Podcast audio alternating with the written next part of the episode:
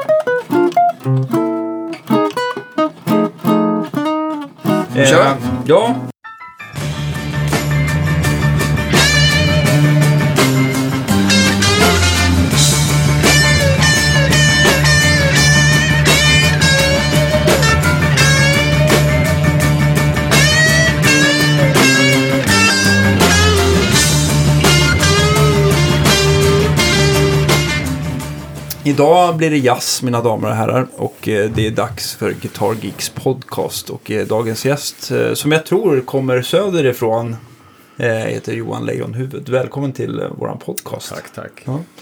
Mycket trevligt. Du tog fram gitarren bara utan att vi bad om den. Så spelar helt fantastiskt. Så att man liksom, man, man, man Vi behöver inte prata så vi mycket. behöver inte prata. Vi Sätt fart. Nej då. Men, men eh, ni sprang på varandra, eh, du och Andreas, här om dagen. Eh, och du skulle spela med Max eh, Schultz. Ja, Var det så? ja. Ja, var, var var det någonstans? Var det... Vi var på Söder. Ja. Jag vet inte var ni var. Vi var på en indisk restaurang. Just det. Eh, Jag kommer inte ihåg vad den heter. Oj, det finns På många, det finns Skånegatan. många bra. Mm, på. Skånegatan? Ja. Där finns det ingen bra. Jo, det finns det Jag går alltid till Shanti. Förlåt, nu gör jag massa reklam ja. för indiskan. ja, men den är bra. Vilken av dem? Det finns ju ett gäng. Jag Vad tycker alla är bra däremot. Så Ja. att, ja. Så är Vad var det vi var då? Ja, men det var väl den ni, den ni satt. Den som, det finns ju en, en vad heter Ja, den? men är det Gossip? Känt i Ja, det var det. Ja, Ja, precis. men det är ju, det är ju Shanti. Fast Ja, den är ju lite en annan inriktning. Men Precis. den var väl god? Det var gott. Det är toppen tycker jag. Ja. Danne får... Att längtan i blicken här. Ja. Men Du, du och Max brukar spela en del, eller hur? Ja, det har vi gjort. Eh, Jag har spelat en hel del. eh, Duo och ibland med komp. Ja. Eh, Jag har alltid gillat Max. Eh, Men vi började spela ihop för kanske 6-7 år sedan, 8. Jag Ja. vet inte. Hur kom det sig då? Ni jammade, misstänker jag. Eller? Uh, ja, jag, jag minns faktiskt inte hur det kom sig. Det var antagligen jag som, som satte ihop något på Glenn Miller Café. Mm. Skulle jag tro. Eller han. Jag vet inte. Vi har känt varandra längre men Mm. inte spelat tidigare. Men spelade ni där nu Ja, det gjorde också? vi. Mm. Vilka var med då? Det var med eh, Karl-Henrik Osbeck och Kenji Rabson. Ja. Vad körde ni för musik då? Var det dina låtar eller Max eller blandat? N- eller? Nej, vi, vi kör standards och, och faktiskt så brukar vi blanda in en del pop eh, eller soul. Mm. Eh, vi spelar lite Stevie Wonder och... Ja, Du spelade Amy Winehouse här förut innan vi Ja, tyckte det räckte. Det tycker precis. jag var jättefint. Precis. Jag trodde, det, jag, trodde, jag trodde det var en standardlåt, så. men det var det inte. Så här. Ja, den spelar vi. Ja. Till exempel. Ja, härligt. Ja. Eh, Max, om du lyssnar på det här så, vi har ju tjatat, du, nu har du ju lovat att du ska vara med, så att, nu säger jag det här i- offentligt också. Ja, det, finns, det är en av de, alltså det är många eh, gitarrister som jag har eh, legat på kan man säga. Och Max är en av dem helt Ja. enkelt. Ja, att han ska få vara med. Så att, vi hoppas att det kommer i alla fall. Absolut. Men stay tuned. Eh, hur, hur kom, när, när plockade du upp eh, gitarren för första gången? När jag var tio, tror jag. Ja. Var Jag- det jag- någonting som hängde på väggen hemma eller fick du tjata på? Ja, min farsa spelar gitarr. Aha. Eh, dock vänsterhänt. Så det var väl så att min... Eh, det var min syster, min stora syster började spela stålsträngad akustisk Mm. gitarr. Så jag började fingra på den. Hon, jag tror att hon tröttnade och jag tog över. Mm. Och sen fick jag ganska snart en elgitarr, en Aria. De brukar vara bra Och, tycker jag. Så här. Det finns väl lite olika fabriker, men är det Ja, det här var, japanska det, ja, det var det väl. Ja. Men det här var nog en väldigt billig. variant? Okej. Ja. ja. Var det Strattal eller Spål eller? Den såg väl lite ut som en SG har jag för mig. Okej. Så det blev lite Angus-steg där hemma? Ja, kanske inte. Är det det första man gör då? Att få på sig väskor? jag hade, jag hade faktiskt... Jag brukar inte använda shorts. Fast förlåt, Men- förlåt. Nu, alltså nu, det är ju Angus-stegen. Jag tänker, det är ju väl egentligen Chuck Berry från början. Ja, det är Chuck Berry från Så det är början. egentligen om man hänger på sig ett 3 345, det är då man ska... Ja, då börjar det automatiskt. Ja, då hoppar. Ja, jag kommer inte ihåg vad det steget heter, men det borde ju du veta. Duckwalk. Hette det inte det? Mm, jag tror det. Mm. Dagens onödiga faktaruta. Ja, men det, det är viktigt då. Jo, men som sagt, jag brukar inte använda shorts. Men den här sommaren har jag gett upp för första gången. Ja, Ja, det är samma här. Brukar Ja, och då försöka. tänkte jag just att jag kanske borde köpa en SG. Ja. Ser ut som Angus fast Ja. spelar jazz. ja. Fast Frisell spelade ju Eski i, början där. Alltså? Ja, det gjorde han. Okej. Tänker så här, försöker hitta någon annan jazzgitarrist som spelar Mm. Han är den enda jag kommer på. Men är inte SG en, en, en väldigt, väldigt bra gitarr på många sätt? Just hur man kommer åt hela greppbrädan, tänker jag. Jo, absolut. Många gitarrer är ju verkligen inte... eh, som- om man ska liksom hålla sig över 15 band så är det ju inte lätt på alla Nej. modeller där ute. Men SG är väl en av de enklare att spela där uppe. Varför? Längre hals? Eller? Nej, men alltså jag tänker just att Catowaina, alltså det är ingenting som tar emot. En git- Ja, ja. jazzgitarr har ju alltid, eh, så på din fina höftner här, att, den, att eh, det är inte lika lätt att komma åt, tänker jag. Nej, fast det här är faktiskt ett undantag. För att just på den här kan man spela väldigt högt. Eh, Jag jämför man med typ en L5 eller något så är det ju, kommer det ju ja, väldigt jäm, högt. jämför med de här så kommer ni se att det är lättare att spela högt på den här. Ja. Eh, har de ändrat någonting i halsinfästningen? det är, jag vet inte. Ja, Eh, precis det. Men däremot... jag är inte tillräckligt nördig för att veta sånt. Ja, men det som är lite roligt med den här gitarren, jag kommer inte ihåg, det är en eh, nytillverkad Höfner. Eh, Det står säkert F-hålet vad modellen heter. Men, men eh, den smalnar av, den är ju tunnare framme vid halsinfästning, alltså om man tittar i sargen. Den är ju typ, jag skulle uppskatta den till 6 centimeter eller någonting. Men baktill så är den ju liksom uppåt en 10 eller någonting sånt där. Ja. Så att den måste vara ergonomiskt ganska trevlig att hålla i kan jag tänka mig. Ja.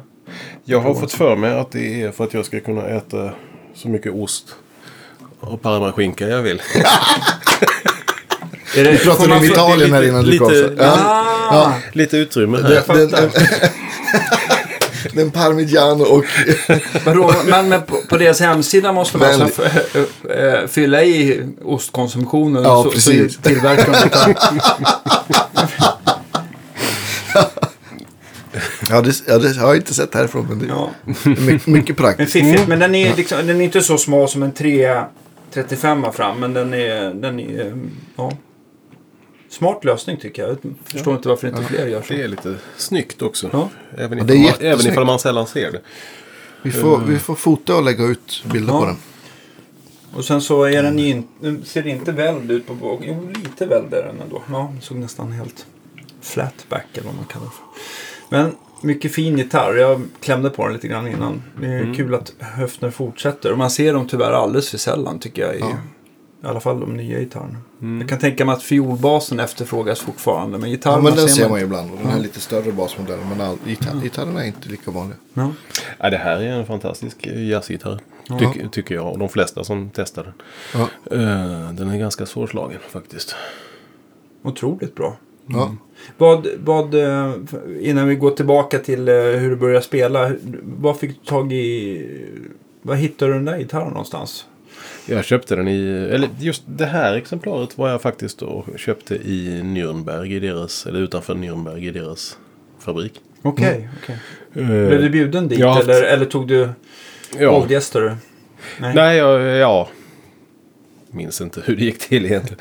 Men ehm, jag, jag har haft två sådana här. Mm. Den första köpte jag i en, i en affär i Berlin. Eh, och sen tyckte jag att jag skulle ha en till. En spare. Det är bra. Mm. Ja, det var bra för jag blev av med den första. Jaha, okej. Vad hände då? Blev Oj. du Ja, stulen den blev stulen. Nej, vad tråkigt. Vad Har du hände? Ja, det är... det är en tråkig historia. Ja, då tar vi inte det. Okej. Nej. Prata om det, är alltid, det är alltid så tråkigt när man har folk som har blivit av med sina instrument. Men, men känner du att den här är, är bättre eller lika bra? Eller att, känner du att det var liksom... Eh, alltså, båda var ju nya Ja. när, jag, när jag köpte dem. Och sådana här tar ju ett tag att spela in. Mm. Så att det var ju kämpigt att bli av med den första. För jag spelade i stort sett bara på den första. Ja, just det. Och den här hade jag stående. Just det. Så att det tog ett tag att få liv i den här. Den här ser ju väldigt inspelad ut Mm. nu, måste jag säga. Hur, hur, eh, men idén med att komma till fabriken var att du ville liksom kunna välja ut ett, det, det bästa exet de hade eller? eller de, Ja, det, det var faktiskt någon i, i... Jag spelade i ett band i Tyskland då och, och eh, det var faktiskt någon i managementet som, som knöt den här kontakten så att Ja. jag åkte ner. ja. Så du fick någon Så att jag hade väl inte någon riktig idé egentligen. Nej. Men då du, där med äsken där, började du... Vad var det första som du så här, som... Som du blev hooked på så här musikmässigt? Vad spelade du så här i, i början? Ehm, det är aldrig, ja. Eh, det var lite Hendrix. Mm.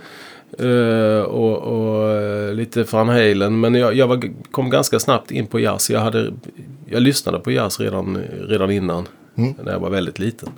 Efter, var det farsan som uh, spelade upp mycket jazz hemma eller var det på Ja, egen hand? Som farsan du... och morsan var det väl. Eh, så vi hade en massa jazzplattor hemma. Så jag, jag lyssnade på Cannonball och Stan Getz till Mm. exempel. Var, var är du uppvuxen någonstans? I Växjö. Växjö? Mm. Eh, så att eh, egentligen så har jag aldrig spelat något annat än, än det, var, det var det första året eh, så spelade jag kanske lite eh, rock eller blues. Mm. Eller något. Men jag gled ganska snabbt in på jazz. Fick du någon, något fick du det någon tidig eh, husgud eller som förebild på jazzgitarr? Ja, den första var nog Larry Carlton. Inte helt fel. Nej. Eh, och sen ganska snabbt så upptäckte jag John Scofield som nog har varit min husgud. Han är svår att ducka för. Ja. Jag låg och lyssnade på något. Det fanns något radioprogram. Eh, kan det ha hetat Riff? Uh, Oj, som gick på 80-talet. Ja. Ja, jag, jag är lite osäker på ifall det var det förresten. Men jag hörde i varje fall John Scofield på radion. En skiva som heter Still Warm. ja. Eh, Är det bästa Sen- han har spelat in? Tycker du? Så här efterhand? Ja, ja, han gjorde ett par plattor där på 80-talet. Still Warm och Blue Matter som jag fortfarande tycker väldigt mycket om. Det är klassiker i hans... Men Produktion, tycker jag. Varför jag Men- Mm. frågar är liksom bara för att tänka på AC/DC. Nu, nu spårar jag ur igen. Men Ja. eftersom vi pratade lite om Angus innan så var det ju så här att jag, för mig är ju Back in Black den bästa plattan. Men det var ju den första jag började lyssna på tänkte jag. Ja, jag tänkte om det var likadant du kände för Schofield där. Att den Still Warm var, var den som liksom fortfarande, även om det är många andra som menar att andra skivor är bättre eller så, så, så kanske man även... ja men det, det Den brukar ju ligga varmt på. i hjärtat det som man så här, Ja. när man Ja, upptäcker en artist. va? Det har du helt rätt i. det var, jag minns faktiskt att jag, tyck, jag, ty, eh, jag hörde den här Still Warm först. Och det, jag, jag tyckte den var lite, lite knepig. Jag var ju bara 14 år kanske. Ja. Eh, men sen hittade jag den här Blue Matter som är lite snällare tror jag. Det, är det med Dennis Chambers? Ja. Ehm, och eh, det är, väl- det är väl i så fall den skivan, Blue Matter, som är lite no- nostal- nostalgi för mig. Började du, tog du några lektioner eller så här i, i början? Eh, lite grann. Mm. Inte, inte mycket. Nej. Ett par privatlektioner. Ja, men visade pappa dig någonting eller gick du hos någon pedagog? Eh, nej, jag, eh, min, min pappa spelar inte riktigt på det viset. Eh, så att det kan väl, jag minns faktiskt inte. Det kan hända att han visade mig några ackord i början. Det gjorde han nog. i, allra bör, i allra första början. Men, Hur kom det sen eh, senare då när du eh, växte upp? Blev det musikgymnasium eller, eller eh, gick du på... Hur utbildade du vidare när du bestämde dig att du skulle Ja, bli gitarr jag- för hela slant? jag började på musikgymnasiet eh, i Växjö. Men jag eh, trivdes inte alls där. Det hade inte mycket med musik att göra tyckte jag. Så att eh, jag slutade efter ett halvår. Och Okej. sen fick jag höra talas om Skurups folkhögskola. Mm. Så jag åkte ner dit. Och eh, ja, så hamnade jag där. Det är väl än idag en av de skolor som ligger liksom i framkant vad det gäller liksom jazz. Det är det säkert. får Ja. man nog säga. Ja. Vem hade du som lärare på Skurup? Ja, Mulle Holmqvist. Uh, hade jag som gitarr- gitarrlärare. och eh, också en kille som heter Jens Ulfsand. Ja. Underbart. Ja. Och det gick du två år där då eller? Mm. Grymt. Ja. Efter det, var det någon... eh, Har du gjort som många andra att du sökte över Atlanten eller? Nej, Nej. det gjorde jag inte. Eh, ja, ja, ja, efter Skurup så flyttade jag till Malmö. Och tog... eh, då var jag väldigt trött på musik så jag tog ett års, ett års paus tror jag. Från, eh, hade gitarren i garderoben. Ja. Var, Men- jag fick en överdos. Eh, Hur- Men okej, men om man tittar. Jag antar att du fick överdosen eh, fr- från Skurup helt enkelt. Ja. Vad- hur såg liksom den typiska dagen ut där? När, när, när det blir liksom gitarr 24 timmar, 25 timmar om dygnet tänkte jag säga. Men, men var det så det blev till slut? Att du liksom... Att var för Eh, mycket av det goda? ja, jag, var nog inte, jag var nog inte så less på gitarren egentligen. Jag var mer less på, på skol, skolmiljö. Ja. Eh, eller det var... Eller, ja. det var nog det som fick mig att tröttna på musik ett tag. kan vara förödande med skolor. Ja. För intensivt. Ja. Ja, men uppläggen passar väl inte alla heller riktigt. Så. Nej. Vad, vad gjorde du istället då? Eh, jag eh, slarvade. Ja. Och, eh, och fuskade lite som kock. Ja. Perfekt. Mm. Vad var det som kände att så här, men nu är det dags igen? Var Det det var något- faktiskt, det, det är faktiskt en väldigt tydlig punkt där. Jag gick till en gitarraffär i Malmö och hittade en eh, Levin. Mm. Eh, orkestergitarr. Och eh, det var helt enkelt den som, den som fick mig sugen på att börja spela igen.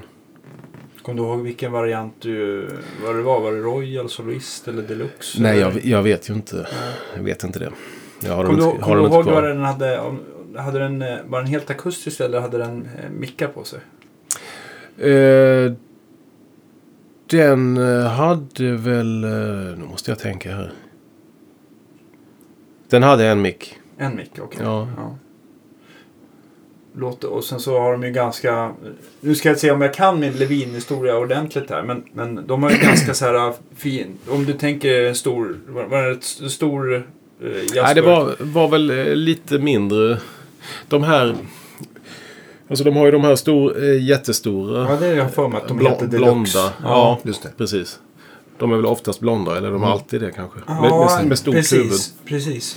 Eh, det var inte en sån. Nej, Utan det var en sån här... ehm, jag har för mig att Royal är den av de liksom halvakustiska som är minst av dem. Va? Och de fanns väl oftast i Sunburst. Men det är säkert att det gjordes någon natur också. mm, ja, det var Sunburst som Ja. jag hade.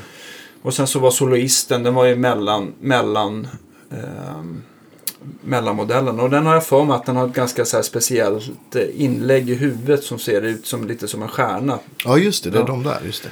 Eh, men sen så på, sen så på 50-talet så varför jag frågade om de hade mickar på sig. För att jag har för mig att de tidigaste där, de kunde man få med någon källmick eller någon variant på Diarmon och sådär. Men sen så var det väl på 50-talet hade de väl två stycken vita mikrofoner. Och sen på 60-talet så bytte de ut det till svarta mikrofoner. Och då fick de namnen så här typ 315 var den stora. Ja, jag, sen nej, var det jag kan 320 inget var lite mindre och Danne 325. som ett uppslagsverk om du inte redan har det. förstått det. Ja, men det finns Ja. så här, så ju högre nummer desto mindre blev kroppsstorleken och mindre lyxiga helt enkelt. Ja, Så just det.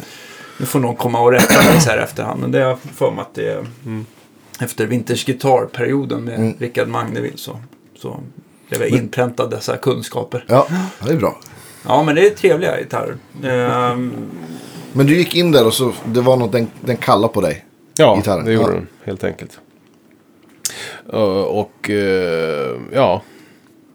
Och på något sätt när jag fick den gitarren så blev jag mer intresserad av uh, lite mer äldre eller traditionell jazzgitarr som jag egentligen inte hade lyssnat på innan. Så att i samma veva började jag lyssna väldigt mycket på Wes Montgomery. Ehm, ja. Ja, det, det är också en, en gigant som inte Ja. ducka för. Det är ju, har, du, du som ändå har gitarren i knät, tänkte jag så här, kan du, ehm, för folk som inte, inklusive jag själv, jag vet, jag, klart man har hört lite West Montgomery, men för kan man spela någonting som är så här typiskt något lick eller någonting ehm, för hur han, eh, hur han gjorde? Oh. Klarar, man- klarar man det så här på kort varsel? Alltså jag, jag är fruktansvärt dålig på, på... Jag har aldrig ägnat mig åt att planka. Så att jag, det är inte så att jag... Nej. eh, Nej, men då skippar vi det. Men jag tänkte så här, för, ehm, jag tänker Men han spelade väl med, med tummen? han spelar med tummen ja. Ja. Och mycket Eh, och mycket oktavspel. oktaver och mycket... Mycket, mycket ackordssolon. Ja.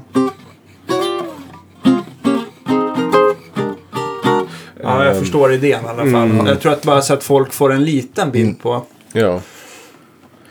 Eh, men framför allt är det ju så magisk musik helt enkelt.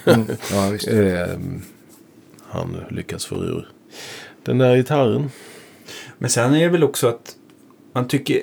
Det som nästan alltid slår mig från den där tiden, att det liksom kändes så himla självklart vad sväng innebär.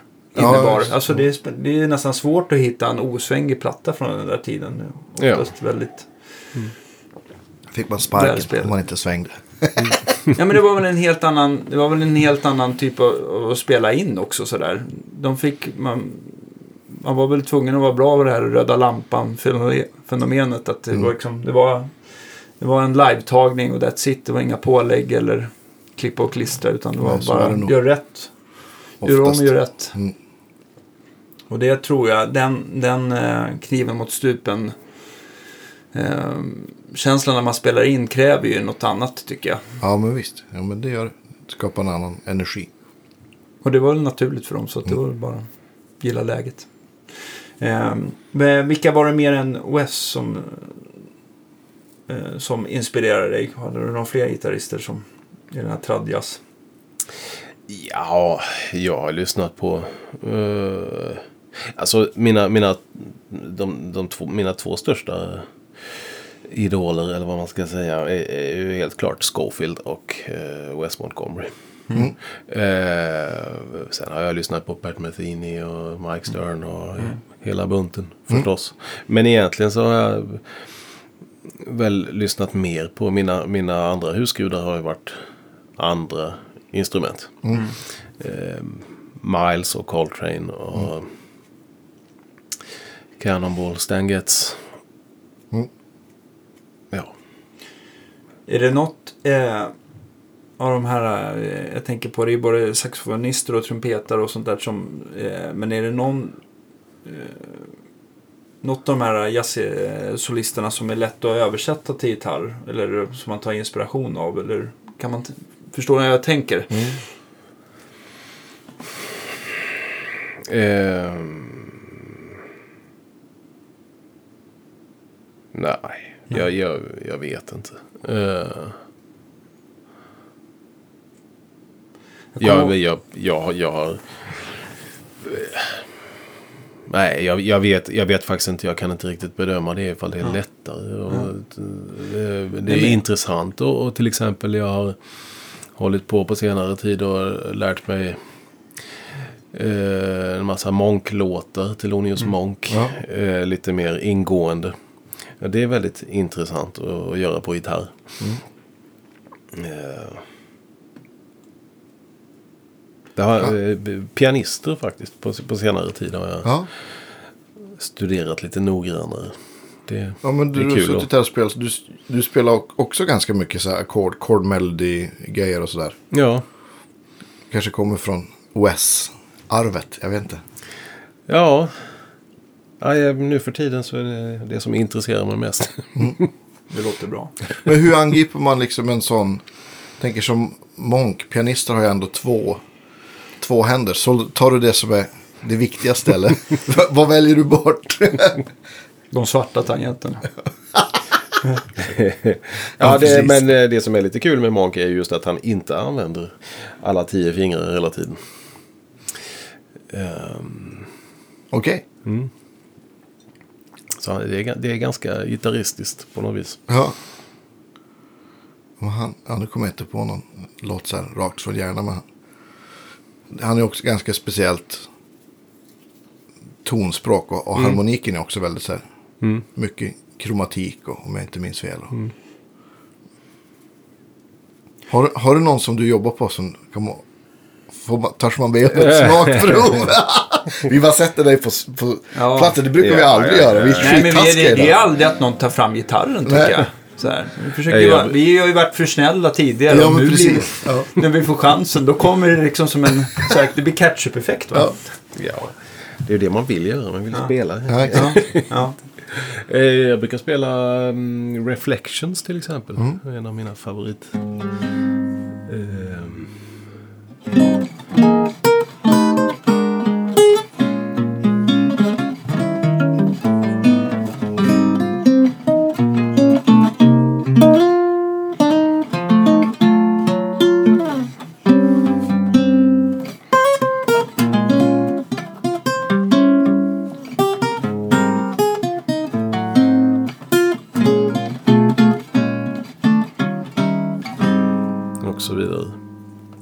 Får jobbet. Sitta här och... Så att, Gör du, gör du sologig också sådär? På Jag, sologitarr? jag har gjort det vid enstaka tillfällen. Ja. den vanligaste sättningen annars är det kontrabas, trummor eller det pianist också? Eller hur brukar det bli? Det, ja, jag, jag spelar gärna trio, bas, trummor eller och, och nu har jag spelat mycket um, orgeltrio också på senare tid. ja. Så, Eh, precis som Max. Ja, med, med, med samma kille också, Leo, Ja. Leo Lindberg. Ja, just det. Fast också, ni spelade ju på Stampen men jag, jag, Mm. jag var upptagen själv så jag kunde inte. Hade jag gärna sett. Verkligen. Jag måste få reda på nästa gång. Eller, Mm. Orgel... Orgeljazz är helt fantastiskt. Ja, det ser ut att bli en repris i oktober, i början av oktober tror jag. Ja, vad kul. I, inte spikat än men. Mm, det är planen. Men då, ska vi, då gör vi så att då skriver vi det på vår Facebook-sida här. Ja. Så får ni alla gå och lyssna på, på Johan. Ja, det måste jag. Mm, Då det måste jag också ta, Ja. ta, ta, eh, hitta någon barnvakt till tvillingarna så Ja. att jag kan komma iväg. Så. Underbart. Hur, eh, tiden i Malmö där och Mm. du köpte din Levin-gitarr. Eh, hittar du folk att spela med direkt eller hur? Eh, Eh, ja, det gjorde jag. Eh, jag var väldigt, väldigt aktiv där. Och jag, jag spelade oerhört mycket i Malmö. Lo, lokalt. Och startade grejer själv. Och, och hade en trio. Och spelade med lite olika band. Vad, Men då- vilka var de vanliga liveställena i Malmö då? Eller finns de kvar? Eh, ja, en del finns väl kvar. Eh, jag spelar mycket på, på runt Möllevången. Eh, ett ställe som då hette Retro. Som nu heter Metro tror jag.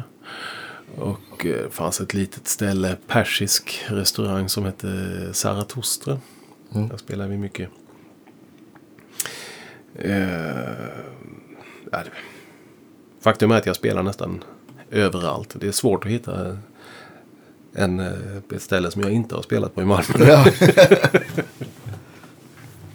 Underbart. Blev det också en del över till utanför Malmö? Eller jag tänker att Kö- Köpenhamn är nära. Ja, jag var, jag var i Köpenhamn lite grann. Men, men det, på den tiden, då, kanske i viss mån fortfarande, så var det rätt svårt att, att komma över där. Eh, det har nog ändrats, tror jag. Det är mer utbyte idag, men, men eh, då var det inte så lätt. Det var verkligen en gräns på ett annat sätt liksom. Ja. Eh, ja, Och ingen bro att åka över. Nej, Lätt. det fanns ju inte det heller. Så att, Tänker jag. Ehm, Men för att Danmark, Köpenhamn är väl ganska känd också för sin, för sin, eh, för sin jazz. mm. Eh, Var du över en del och lyssna eller hämta inspiration därifrån? Ja då, ja då. Jag brukar, särskilt på festivalen, de har ju en fantastisk festival i Köpenhamn.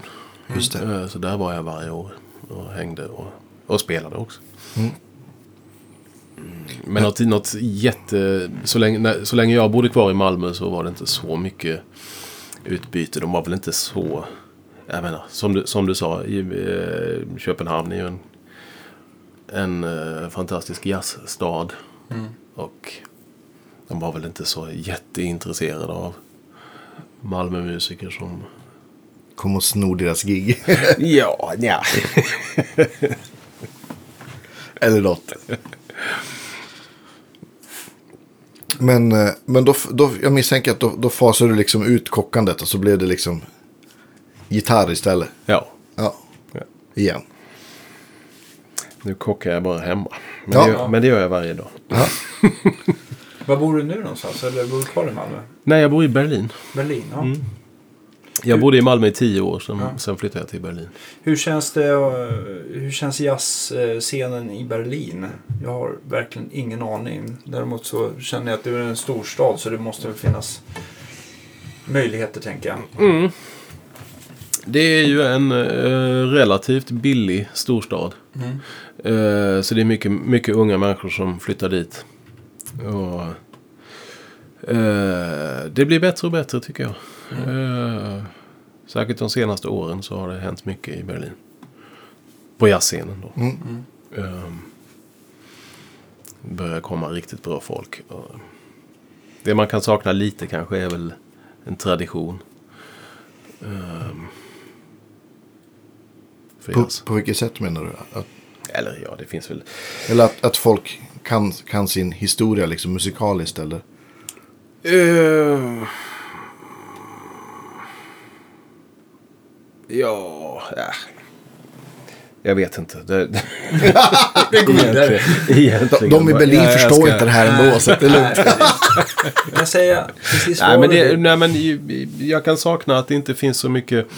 Men då pratar jag specifikt jazz. Ja, Eh, att det inte finns eh, så mycket äldre musiker i Berlin. okej.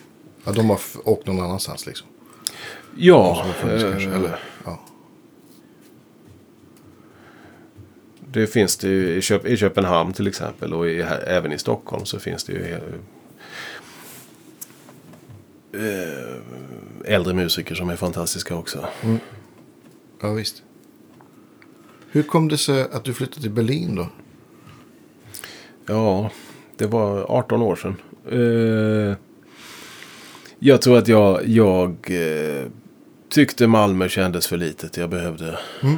ta vägen någonstans. Och jag var då inte särskilt intresserad av Stockholm. Mm. Av olika anledningar. Dels för ja, det kändes helt enkelt som att det var fel håll att flytta norrut från Malmö. Ja, Precis, jag hade inte så här va- varma sköna, varma sköna somrar. Nej, precis. Nej. Och, eh, men jag hade en, eller har en dotter i Malmö och, och eh, vill inte flytta så långt. Mm. Annars kanske man hade gjort, försökt att sticka över Atlanten till exempel. Mm. Men, men eh, eh, ja, så jag åkte till Berlin. Jag, jag, hade, ja, jag hade varit där någon gång när jag var 19.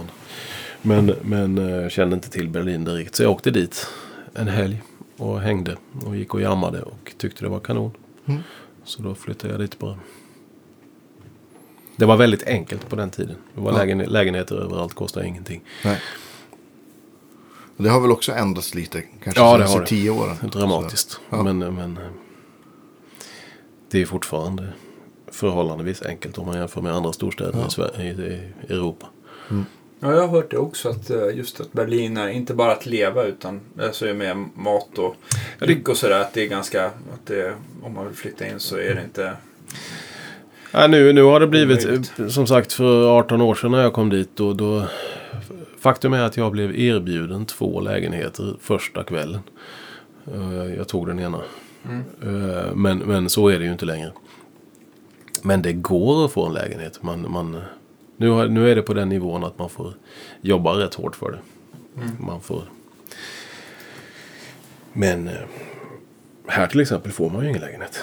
Nej, det finns Det ju går inte. Det, nej, det är, ju- Och det är väl... och du kanske kan byta din lägenhet i Berlin mot, mot något här. Ja. Kanske. Var i, var i Berlin bor du då? I Schöneberg. Okej. Ja, det vet jag inte vad det är. Nej. Jag har ju ingen sån koll på Berlin. I sö, södra Berlin. Är det forna väst eller öst? Forna väst, ja. ja. Jag har av någon anledning alltid bott i forna väst. Jag har flyttat runt en del. Men jag trivdes där först. Ja, Har jag du, har du något, har du något, eh, något band som du jobbar med så här stadigt, stadigt där? Någon egen triokvartett eller något? eller? Eh, ja, nu kan man väl säga att jag har eh, två konstellationer. En, en då med Ariel och en... Eh, men det är Leo här i Stockholm. Ja, Och en, en eh, amerikansk trummis som bor i Berlin. Som heter David Haynes. ja, Eh, ett, en trio som jag kallar för Mighty Mess. ja. Bra namn. Ja. Och, eh, och sen spelar jag ibland med, det, det, det har jag väl egentligen inte någon, någon eh, fast trio. Men jag försöker spela med trummor och bas ibland också. Lite, en annan, lite annan grej. Men du sa då du var och köpte gitarren där så var du med i något band. Vad var det för något då? Eh, jag var med, jag spelade med en trumpetare som heter Till Brönner. Ja, just det. Och han är väl jättekänd. Ja. Ja. Så att jag spelade i hans band i sju år tror jag. Och turnerade jättemycket över, ja, framförallt i Tyskland men även i, runt om i Europa. Men, men Tyskland är väl, det finns väl, det är, ja, det är tio gånger så stort som Sverige typ. Så att det, det, Ja, i alla finns fall väl till också- folkmängd. ja. Men, över men 80 finns det liksom tio gånger så många jazzklubbar också? Jag har fått för mig att det finns mycket klubbar och grejer i Tyskland. Liksom för. Ja, det gör det. Eh, Framförallt i i södra Tyskland finns det mycket eh, klubbar och festivaler. Och, ja, Ja, men det är, jag kan, kan inte tänka mig något bättre land i Europa i alla fall när det gäller speltillfällen. Det är, ju en, det är väl ganska enkelt att ta sig över kors och tvärs med, med fina stora vägar och sen, Ja. så, sen så att det är så otroligt mycket fler Mm. eh, invånare än vad det är här till exempel. gör väl stor skillnad. ja. Jag vet att det är många, som, många musiker som flyttar dit av den anledningen. Att det, Eller även Belgien och sånt där. Att man får ganska nära till allt. Det är enkelt att köra till Holland och, och, Ja. Holland och Tyskland. ja. Frankrike, Ja, Schweiz. jo, men eller, hur? Ja. det ligger, känns ganska nära. ja Ruhr till exempel. Ruhrgebiet.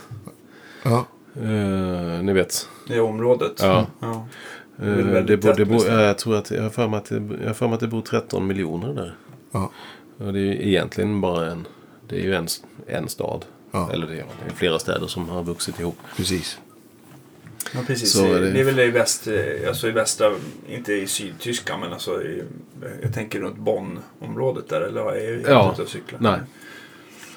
Eh, så det har ju hänt att man har varit på turné och har ett gig i Düsseldorf och eh, sen sätter sig i bussen på morgonen och kör i 22 minuter. Och Ja. nästa gig är i Leverkusen.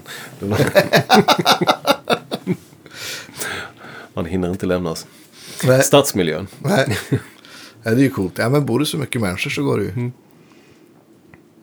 Men hur var det, jag tänker så här, att flytta till, då du flyttade till Berlin, du hade liksom inga, du flyttade inte till något gig utan du bara kände att, nej men, nu drar Nej, jag. jag kände inte en käft i Nej, Berlin. Det är ju stenhårt. Verkligen. Men nu känner du desto fler. Det. Ja. Ja. Kunde du någon tyska då du flyttade dit? Inte ett ord. Nej. Jag misstänker efter 18 år så kanske du, nu kan du säkert Nej, jag är tyska. fortfarande förbluffande dålig på tyska. Men Du förstår Jag- jag säkert klarar mig, det mest- det. mesta. Liksom. ja.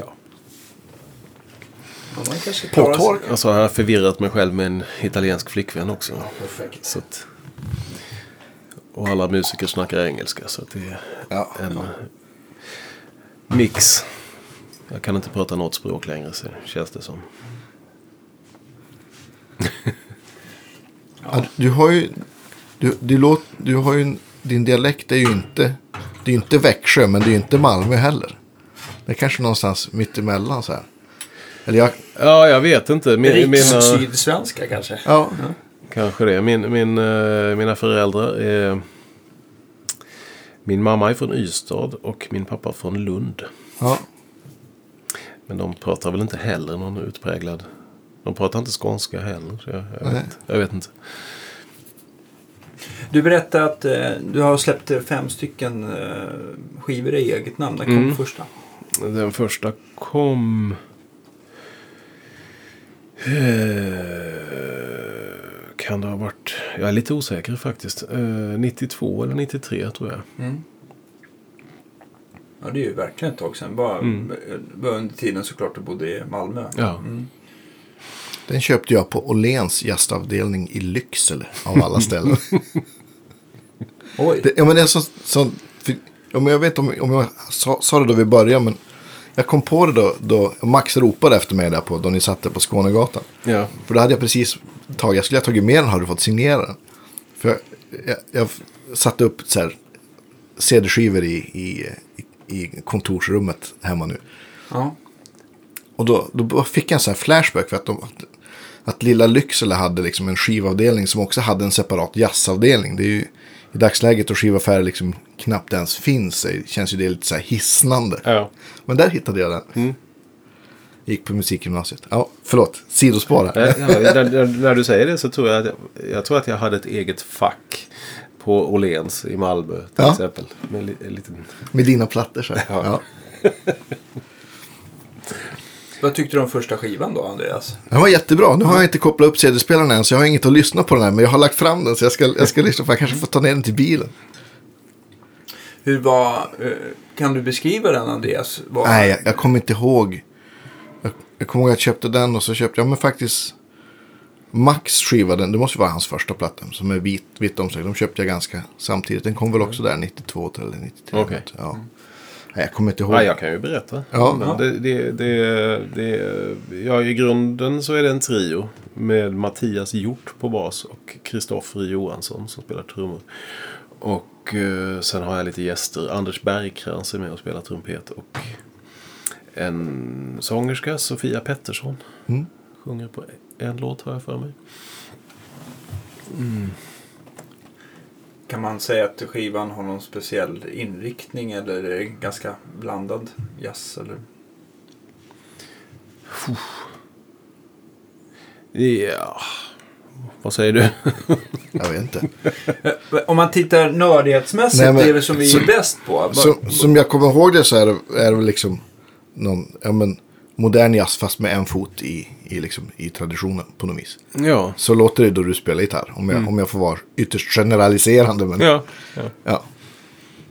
Eh, hade du din Levin på den eh, skivan eller hade du Ja. någon annan gitarr? Kom du ihåg vad du gillade att koppla in i för förstärkare på den tiden? Ja. Eh, jag har fortfarande kvar den förstärkaren. Jag, köpt, jag köpte en, eh, det var när jag gick på Skurup så köpte jag en Mesa Boogie Preamp. Just det. Eh, Studio Preamp heter den. Det är så här två rackenheter Ja, och eh, dubbla rader med, eh, Ja. med skjut eh, där. Ja. precis. Och eh, en eh, boogie-låda. Ja. Tung som bly. Och något eh, Elektro. boogie-slutsteg till eller? Nej, jag hade ett lem-slutsteg. Ah, Rasisto. Men de var väl också rätt omtyckta har jag för mig. Blanda ihop dem med HH. Men det funkar väl alldeles utmärkt kan jag tänka mig. Ja. Ja. Spela tillräckligt starkt. Mm. Boogie-låda. Så har du en, en, en tolva eller vilken? Eller en två Ja, 12 är det väl. Eh, Electro Voice. Ja. Eh, väldigt tung. Ja. Precis, jag har med Men, men de låter, låter ju väldigt eh, speciellt. Det- Man blir väldigt beroende av de där Electro Voice har jag fått för mig. De har ju en ganska så här, Mm. om man ska vara nördig, ganska flät återgivning av. Det, är så här, det som man stoppar in kommer ut. De färgar liksom inte lika mycket som en Celestion-högtalare till exempel. Och så Nej. har de ju, de är på 2 eller 300 watt tror jag. Jag tror de Så att de gamla är- är på 200 watt. De här... Ja. Två, heter de inte så här 200L eller Ja, något sånt sånt. Ja. Men De har ju, spelar ju otroligt starkt och jättemycket headroom. Så det måste vara perfekt om man vill kunna spela ganska starkt men ändå rent liksom. Ja. Jag använder den fortfarande faktiskt. Jag, jag, jag har, idag har jag en eh, Henriksen Ja, just det. eh, Jazz... Vad heter den? Jazz Amp heter den väl bara. Mm. Eh, och eh, den duger ju utmärkt till små gig. Men ifall jag spelar på något större ställe så tar jag med min boogie-låda Mm. och kopplar in. När du inte har möjlighet att ta med stärkare brukar du försöka spesa någonting vad, vad som ska finnas på plats. Eh, vad menar du med Nej, spels? men, ja, men jag tänkte så här, om du tar om du blir tvungen att ställa, eh, du kanske inte tar med dig din Henriksen på, på flyget och sånt där. Mm. Eller försöker du alltid ta med den om du går? Så Mm. att du vet vad du får spela igenom. Eller om du kommer till någon festival så kanske du får någon backline som... Ja, nej, det nej, jag har ju spelat vä- väldigt mycket med, med befintlig backline. Ja. Vad- Har, har du någon så här skräckstärkare som så här bara, åh nej, det står en sån på scen. ja, det är ju nästan alltid den som står där. Det är ju en sån där. En twin, ja. Det, De är inte roliga. nej, eh, det är de inte. Det är inte för mig. Den där Twinnen är faktiskt bra. Det är en 68 så att den är byggd lite mer Mm. som gamla Blackface. Och jag tycker de låter helt annorlunda mot många andra Silverface. Men Ja. framförallt de med mastervolym som är helt... Sådana där fina står det ju inte på som Nej, det gör backline det någonstans, inte. tyvärr. Nej. Och ibland kan man ju få någon sån här uh, Twin Reissue som är, känns... Som kan göra vi- vilken gitarr- gitarrist som helst sämre. Men det finns en, lärde jag mig efter ett tag. Men först tänkte jag att jag måste ju lära mig att, spela i det som står där. För Ja. att, eh, det var ju ändå, det var framförallt med den här tillbehören då. Så att det är ju inget skräp som står på scenen. Eh, men så jag tänkte jag får väl träna på att anpassa mig till det som finns. Men ehm, eh, jag lärde mig att det finns en Fender. Men nu kommer jag inte ihåg vad den heter. Men den har den är lite modernare och den har röda knappar. Ja, men de är väl sådana som gjorde sig i början på... The Twin fanns det en som hette, eller? Ja, precis. Men jag tror att, jag tror att de här måste ju kommit i slutet av 80-talet, tidigt 90 där Ja. någonstans, de här Red Knob. Men de gjorde ju flera modeller. Jag kommer Ja, inte ihåg vad alla hette. Om det fanns Concert och, och The Twin. Ja, just det. Ja, Ja. ja. Men den kunde jag hantera. Ja, För jag tyckte att den, den lät inte Fender helt enkelt. För det, är nå- det är någonting med... eh, det är ju bra förstärkare förstås. Men det är någonting som... Men det är att inte färger- lämpa sig till jazzburk och jazz kanske som eh, känns... Ja det vill jag inte säga heller. Det, finns ju, det är ju många jazzgitarrister som spelar i Fender som låter jättebra. Men det, men det är en sak att lyssna på det och en sak att Det ska kännas spela, rätt. spela det. Ja. Mm. Och jag Ja, har, är alltid, jag har alltid haft svårt för Fender. Jag inbillar mig också att just Mesa Boogie skiljer sig väldigt mycket från Fender. och de har Men det är så här- generellt ett, ett sätt, ja, men mycket mer mellanregister. Ja. Som Ja. gör att det blir en bärig ton. Det var nästan omvänd tonkurva. så Ja men precis. Om man, en, sån, en sån här Twin har ju väldigt lite, ja men typ 300-400 hertz. Om man, om man ska vara supernördig och prata frekvenser. Okej. Och, eh, ja men precis som Danne säger, Mesa Boogie är ju nästan tvärtom. Det är väl, väldigt mycket, Ja. både på deras rena ljud och deras distljud så är det väldigt fokus på just Ja. midden. Där liksom faktiskt den mesta informationen sitter i en gitarr. Men Ja men då är det väl det då. För att jag, jag första 15 åren spelade jag bara på min Boogie. Men, men jag tycker också, jag tycker just den här Electro Voice-högtalaren, den har ju ändå, även om den är ganska, man upplever den som ganska neutral, så har ju den också relativt mycket mid. Men det är inte den här skitiga Celestion-midden som verkligen låter rock. Utan väldigt de är ren. väldigt cleana helt enkelt. Eh, och jag vet, det är väl eh, i och för sig, det är väl inte bara jazzgitarrister som har uppskattat de elementen. Jag- Nej, Stevie körde väl också. Wild Zac körde de Wild, till ja, exempel. just det. ju, Så det, och eh, om Lasse Bjurhäll som vi ja, hade. precis. ja. Ja, ja, visst. Nej, jag förstår. Men, Mm. att, men, eh, men man vill ha ett ganska cleant slutsteg låter som. Både den här Lem eh, slutsteget som du använder Mm. väl transistor och Hendrixen, deras förstärkare är väl endast transistor. Mm. De gör väl inga rörstärkare Mm. alls. Så att, eh, ja. Jag vet, jag tror, jag ska få prova en av eh, stärkarna som står här sen. Jag har ju några några Olsson här. Det är ju faktiskt en hel del jazzgitarrister som har börjat köra Ja. på jag sett. Men, Jag, jag har testat den. Ja. Jag vet inte om det är exakt samma modell men Max har ju en Just det, Schultz. just det. Eh, Den Känns har- det mer jazzanpassat? Ja, det är nog inget för mig Inget för faktiskt. Men det finns väl olika. Ja. Just det, jag kommer inte ihåg om man har stage eller klubb 40. Klubb, tror jag. Ja. Var den grön eller, vi, eller Grön, vit? grön. Ja, då är det stage. Ja, det är stage. okej. Ja. Men har du gjort uh, plattor i Tyskland då också i eget namn? Eh, ja, min senaste platta är inspelad i Berlin. Mm. Mm, den heter Mighty Mess Volume 1. Just det, och det är med den Orgel. Nej, orgelsättningen. nej, det är det faktiskt inte. Det är, det är en kvartettskiva med piano och bas och trummor. Ja. Och vad, vad spelar ni för musik då? Det är min musik. Ja, kul. Ja. Finns Min och Amy Winehouse musik. Ja, just det. Ah, En. Vad heter det? Finns den, eh, hittar man den på Spotify, den skivan? Ja. Vi brukar, brukar be om en, våra gäster att göra en lista liksom, med, Mm. med saker som... både i inspiration eller, eller om man vill göra en, en lista med bara egen, det man spelar in själv. Så. Eller både och. Både och. Ja. Så det, ja, men det kan vi, kan vi prata om sen. ja. När kom den då? Uh, svåra frågor. Vi ska ta lättare. vad kan det Käkar du vara? till frukost? Ja, precis. Ja, minns jag det. Äh, eh, det måste väl vara fyra år sedan, Ja, tror jag. Fyra år sedan. Då kanske Och jag du- käkade bröd och salami Ja. till, till frukost. Ja, bra.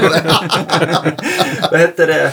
Eh, Men då, eh, fyra år sedan, det är ett tag sedan. Har du hunnit skissa på nästa alster kanske? Nej, det har Nej. jag inte. Det kommer. ja Det kom. absolut. Det är ingen brådska. Ja. En Eh. orgelplatta kanske? Ja. Ja, Om du inte det har är gjort något. Inte otänkbart. Eh, gitarrsoundet på det, det är Höfner-gitarr genom, eh, mena, genom eh, Mesa Boogie eller har du använt något annat när du, i stärkeväg när du spelar in den? Eh, nej, det var faktiskt gamla Mesa Boogie. Ja. Original. Är det den som det? brukar åka med in i studion? Hittills, ja. Den har varit på varenda platta. Det är den jag har använt. Faktiskt. Så är det. Kör du någonting mellan gitarr och, och stärk? Ja, jag brukar använda reverb. Mm. Eh, och, Just det, de, är, ju- de har inga effekter alls de där preamparna jo, det har den. den. Den har ett reverb. Men, Har det? Okej, Ja. men modell Som nog är rätt så bra, men det har Okej. gått sönder sedan länge. Så jag har inte brytt mig om att... Det var ganska mycket...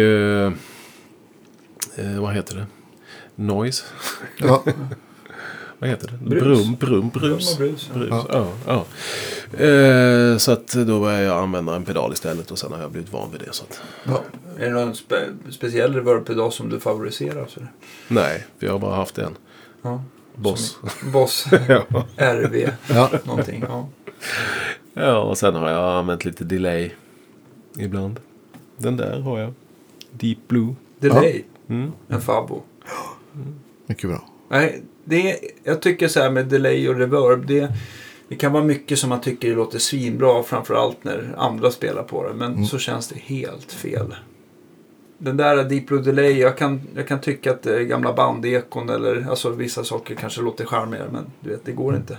Och framförallt när man moddar dem så att de blir lite brightare. Är de extra trevliga tycker jag till Slapback i alla fall. Som Ja. jag gillar att använda dem som. Korta delay-tider med andra ord. Och få studsar. Okej. Mm. Ehm, men eh, ja, en favvo helt enkelt. Mm. Hur ställer du, har du delayet för, för, har du längre settings för att få liksom rymd eller? Det har jag nog. Är- Eh,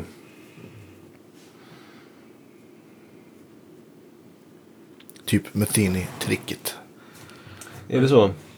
Ja, men han, han hade i alla fall ja, men det är lite längre delayer så här, som, som kanske inte var så högt mixade men som ger liksom en Mm. känsla av, av, av en sp- space. Mm. Bara. Mm. Eh, Jag brukar nog ställa den där delay-ratten där. Det är väl, Den Ja. till höger ja. den brukar jag ställa ganska klockan eh, två.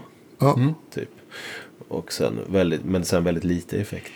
ja, just det. Eh. Ja, men då blir det ju så. Då blir det så? Ja. Okej. Ja.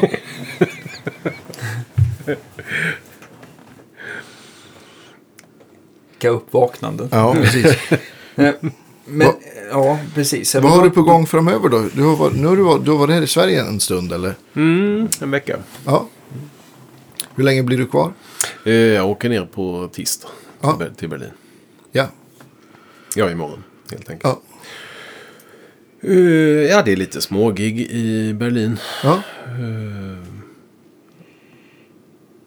Har du något, så här, något så här ställe där du spelar så här regelbundet sådär? Nej, hyfsat. jag jobbar på det. Ja. Men för tillfället har jag inget sånt. Nej, Jag tänkte om man kunde skicka våra lyssnare om i Berlin och Ja, komma på tisdagskvällar till, ja vet jag. ja. Det kommer. Du får Jag har, jag har en plan. Jag har en plan. Ja. Så vi, vi får se. Men, men, Förhoppningsvis så men dyker- hur, hur ser Berlin ut? Finns det mycket liksom mycket klubbar och sådär och restauranger att att spela på i Berlin? Så att säga? Jättemycket. Ja. Eh, Det finns jättemycket små, små ställen och små gig. Ja, Och eh, väldigt lite pengar. ja. Man får spela varje dag.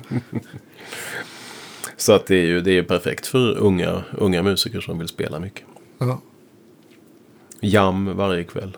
Okej. Eh, Oftast två jam. okej. Jazzjam. Eh, någonstans. Hur, hur hittar man dem om man åker till Berlin då? Är det, finns det skrivet någonstans eller är det Facebookgrupper eller? Det känner man kanske bara till om man bor där. det, det finns en tidning som heter City med Z, Mm. Z-I-T-T-Y. Eh, där står det mesta som händer. Eh, Den finns väl på nätet också. Och, ja, om man vill hitta jam så är det nog bara att googla Jam Session Ja, Berlin. ja. Har Jag tänkte på eh, som eh, med, med din gitarr här. eh, Har du alltid varit liksom väldigt känslig för med hur den är inställd? Eller vilka strängmärken eller sånt som, som är på? Eller hur, Inställningar, jag har, jag har inte gjort någonting med den här. nej?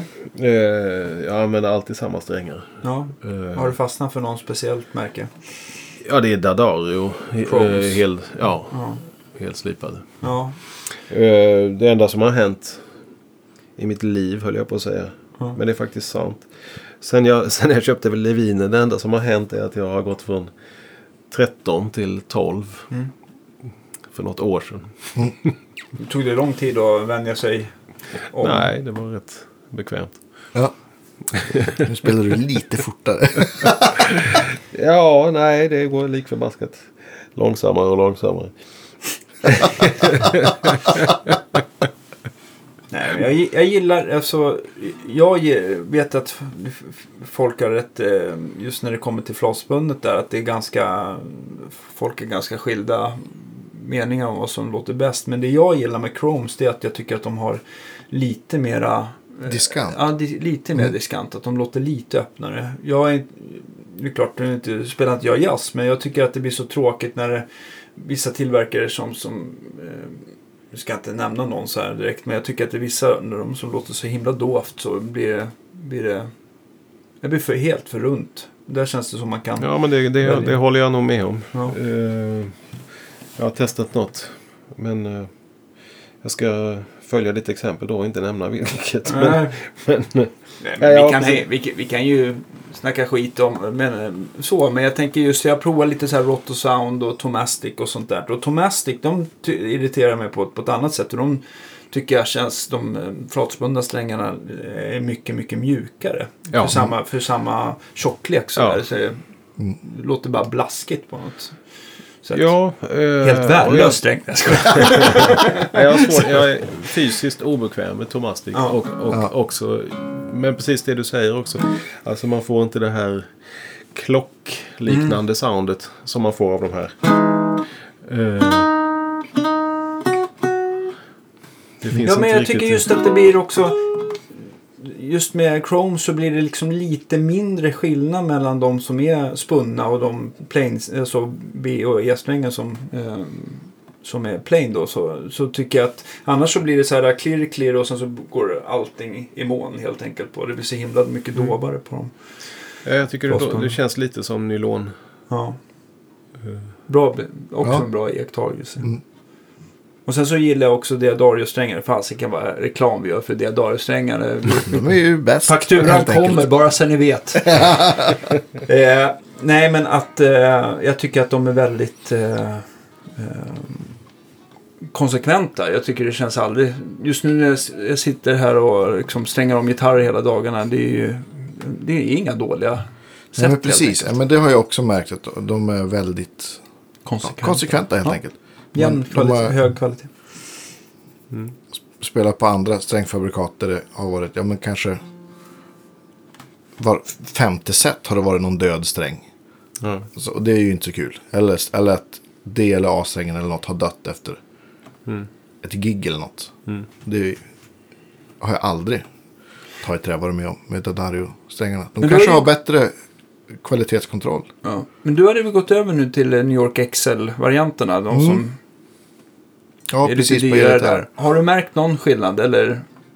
Ja, alltså de, de både håller stämningen bättre och längre. Ja. Och... Eh, Och nu jämför Och med håller- det, va- deras Om man vanliga? jämför med deras vanliga Ja. och, och, håller, och, och låter liksom nya längre. Man kan liksom, jag kan göra tre, fyra gig på ett sånt sätt. Du behöver inte tvätta händerna. Jo, men det måste jag göra ändå. Jag, jag tror att det kommer någon typ av syra från mina fingrar. Ja. Men, men med vanliga Dedario så var det ett, två gig. Sen måste, var jag tvungen att byta. Mest framförallt för att det stämde dåligt till också så spelade jag av dem. Hur, känner, hur ofta byter du Johan? Ja, beroende på hur mycket jag spelar. Men, men eh, ja, en- gång i månaden eller varannan månad. Precis. För de där sånt. känns ju som att de, de har sitt sound på ett annat sätt längre. Ja. Jag tycker. Ja. Och jag ser att du håller i något, eh, någon, är det jazz du gillar att använda? Eller är det, Just tre år. Ja. Jaha, nu ser jag. Jag, ty- man, jag tyckte att spetsen såg lite avrundad ut, men Ja, okej. det var den ju inte. Nej, samma sak där. Svarta Det var- det var jazztreor. någon, någon, eh, en eh, heavy metal-gitarrist på högstadiet som talade om för mig att det här är det som gäller. Och han Och heter sen- Michael Angelo kanske. Och eh, ja, sen har jag aldrig bytt. If it ain't broke, don't fix it. Nej men det där plektrumet är väl jättevanligt bland jazzgitarrister. Ja, Var det? så han hade rätt. Ja. Jag har alltid tyckt att de varit för små för min klumpiga hand. Men de, Mm. är- ja, de, det är nog bara en vanlig sak. Får jag flåra upp skinnet runt dem. Måste ha lite mer yta på plektrumet Ja. så att säga. Men Du sjunger ju samtidigt när du spelar också. Det kanske Ja, har just med saken att göra. Jag vet inte. Eh, eh, men du säger att du eh, blir långsammare och långsammare. Hur mycket övar du i nu för tiden? Är det inte... Är det, eller blir det mest... Eh, Jag övar mer spelning? än någonsin. Okej. Men jag är inte så intresserad av att spela snabbt längre. Nej, okej, okej. 100 metersloppen är inte lika... Nej då. De har du vunnit redan. Ja. Nej, det har jag nog aldrig gjort. Men eh, Nej, det är väl... Det är väl många, många av de bästa spelar inte så fort. Det är ju musiken som räknas. ja. Jag tänkte på... Medeldistans. Jag tänkte Precis. på också, är du, arbetar du mycket med dina... Eh, jag tänker på, det finns ju en, en så här eh, typiska jazzgitarrister att de alltid rullar av all diskant på tonkontrollen. Gör du det också eller behåller du rätt mycket? Ingenting. De, eh, den fullt. rör jag inte. Eh, Äntligen! Nej, men jag känner lite så, det blir så himla... Ja, jag vet inte varför. Det nej, men jag, folk... jag gör nog det i och för sig eh, på förstärkaren. Okej. Eh, så att jag, jag tror inte att... eh, jag kommer nog inte undan. Men den försöker jag låta bli att röra. Ja. Men jag tycker någonstans att det ibland så blir det så här onödigt dovt. Ungefär som folk vill nästan gömma sig bakom. Ja, Att den blir som att den liksom eh, rundar av misstagen lite grann. Men eh, eh, Ja, det tror jag inte att det är det det handlar om. Men... men, eh, men eh, ja, jag, upplever, jag har alltid tyckt att det, när man spelar högt upp, eh, höga toner, att, att eh, soundet förändras. Det är där man inte vill... Det är något, något diskantigt oljud som kommer där. Som man försöker rätta till genom att vrida på mer bas. Vilket nog är kanske ett misstag. Men ja, men jag tänker man kan för att få mer bärighet i tonen liksom. Ja, eh, men jag försöker undvika det nu för tiden. balansgång det där. Halvakustiska gitarrer klarar inte bas och volym lika bra som plankorna heller. Så. Nej. Den här gör det rätt bra dock. Ja, har har den någon eh, ordentlig, eh, vad ska jag säga, tjocka ribber eller är det någon? Nej. Jag tycker ändå, ja precis, den låter ju relativt högt akustiskt när Den du har är spelat på den. jättestarkt ljud. ljud Verkligen.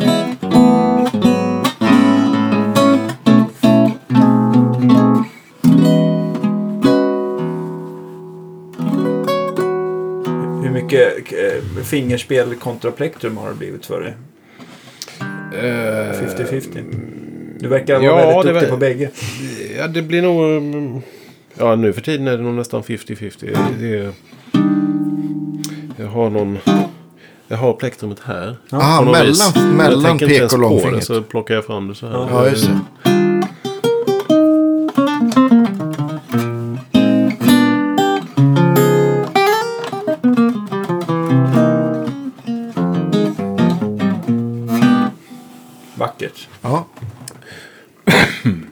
Gitarrer har du i din ägo just nu? Är det Ehm, denna Höfner och ja. eh, Levinen är kvar kanske?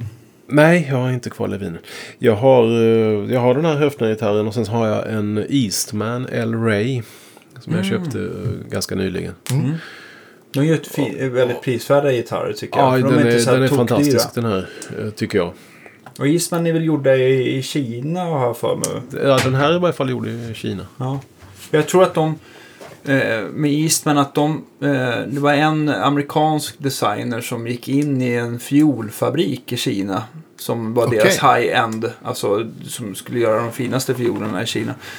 Som eh, han frågade om de kunde börja göra archtop. Men de har ju varit extremt prisvärda sådär också. Man, helsolida gitarrer för under, jag kommer inte ihåg vad din kostar, men jag för mig att de, man får väl en, en bra gitarr för runt 15 i alla fall som är helsolid. Mm, Det är jättebra. Ja, den här är dyrare, men... men eh, Ja, okej. De kanske gör hela spannet. Men de är Ja. inte så här tokdyra som många Gibson eh, Nej. Super 400 och L5 och allt vad det kan vara som är i princip sexsiffrigt på. mm. Nej, men det är faktiskt så att jag, jag har bara hittat tre gitarrer i mitt liv som jag har känt att den här måste jag ha. Ja. Och... Eh, nej, fyra förresten. Den här Levin-gitarren jag hittade i Malmö och, och eh, sen hittade jag en L5 på, på eh, Hellstone Ja. ja. på 90-talet som jag också kände att jag måste ha. Problemet var att den kostade 85 000 eller någonting så det blev inte så. Eh, Men sen den här och sen den här Eastman-gitarren. Det känns klockrent från första början. Måste jag ha. Och, och den där är helt originalgitarren förutom att du har plockat av plektrumskyddet. Mm. Ja. Och det är deras egen... Vad ska man säga? Det är som en flytande handbacker. Ser det ut som i alla fall. Som Mm. sitter infäst vid... Mm. Så att den är inte monterad i locket. Nej. precis. För det blir väl lite ljudskillnad med dem när gitarren sitter, alltså när mikrofonen sitter flytande eller, eller i, sitter nerfräst i locket. Eller, Eh, Jag inbillar mig att det måste vara så här för mig. ja. Att det ska vara flytande mick och... tycker många Att det tycker att det vara- blir lite tajtare bas i micken. Men det, ja, kanske någon får, om någon har invändningar får ni gärna skriva till oss. om Mm. det. Ja, men och, den, och trästall också då kanske. Absolut. Ja. Ingen metall så långt ögat. Nej, eh, jag, jag vet inte. Men jag har hittills aldrig hållit i en jazzburk med metallstall som har låtit bra. Nej. Men det blir ju något Men- mycket rundare och varmare med. Så. Mm. Otroligt Ja, det känns som att de, de dör där och då. Ja. ser ut som någon Ebenholtstall. Mm. Det finns väl de som gör det med de här eh, i Rosewood också. Men det slits väl på ett annat sätt. Så jag tror Ebenholts är både eh, håller och eh, låter bättre. Mm. Men det är väl, ja, än en gång smaksak. Jättefin gitarr. Det är synd att man inte ser de här Höfner-gitarrerna mer i, i svenska butiker. För det, Mm. det lilla jag hann att klämma på den var ju Mm. otroligt trevlig. Kanske framöver, vem vet. Ja, Ja. jag får sätta fart helt Ja. enkelt. Men du ska Ja, det är till... mig veterligen ingen i Sverige som spelar på... Nej, det, det, jag, jag såg dig sitta och spela på den här om dagen så, så, så tänkte jag att det var någon, du vet, någon hemlig farbror i New York som bygger archtop Mm. som kostar ett arm mot ben. För så ser den ju faktiskt ut. Ja. Ja.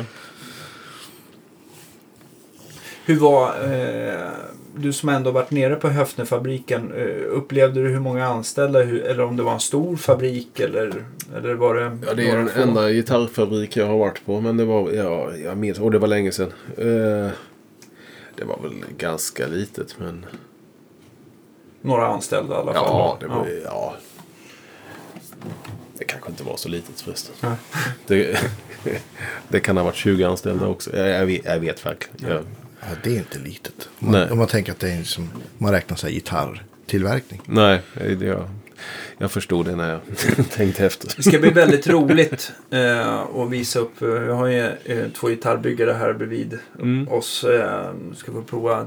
Tobbe har ju byggt en hel del jazzburkar. Han, Mm. Jag tror han har en här som du ska få Ja, prova det. efter sändning. För att Ja. se om Ja. du får godkänt eller Ja. Men du, du kommer tillbaka hit i oktober kanske? Är Eh. Antagligen, ja. Ja. Men då, får, då ska vi hålla utkik. Ja, hör av dig till oss Efter så det att vi så. kan få göra lite reklam för. Ja, men precis. Stort tack att du ville komma och... Ja, men Tack, vi, tack. och Men eh, i och för sig, det här kanske är världens sämsta fråga. Men om det skulle börja brinna i Berlin i din lägenhet. Vilken gitarrsak måste du bara ta med dig ut om du bara får välja en? Ja, det blir ju den här. Ja, Ja. Eh, det hade vi nog listat ut. Ja. Ja. Men eh, skulle du vilja spela någonting innan vi, som, som avslutning här? Ja, det kan jag göra. Ja, vi kan ju, vi kan ju micka, Underbart. micka gitarren bara. Jag flyttar till micken. Ja. Så tackar vi för oss och så hörs vi eh, nästa torsdag helt enkelt. Precis. Ja. Vad vill du spela för någonting? Eller vill du spela Amy kanske så jag också får höra den? Eller, kör vad du vill. Kör vad du vill. Ja, förlåt. Ja. Ska inte komma med en massa. Nej. ja. Jag tror jag tar något annat. Ja.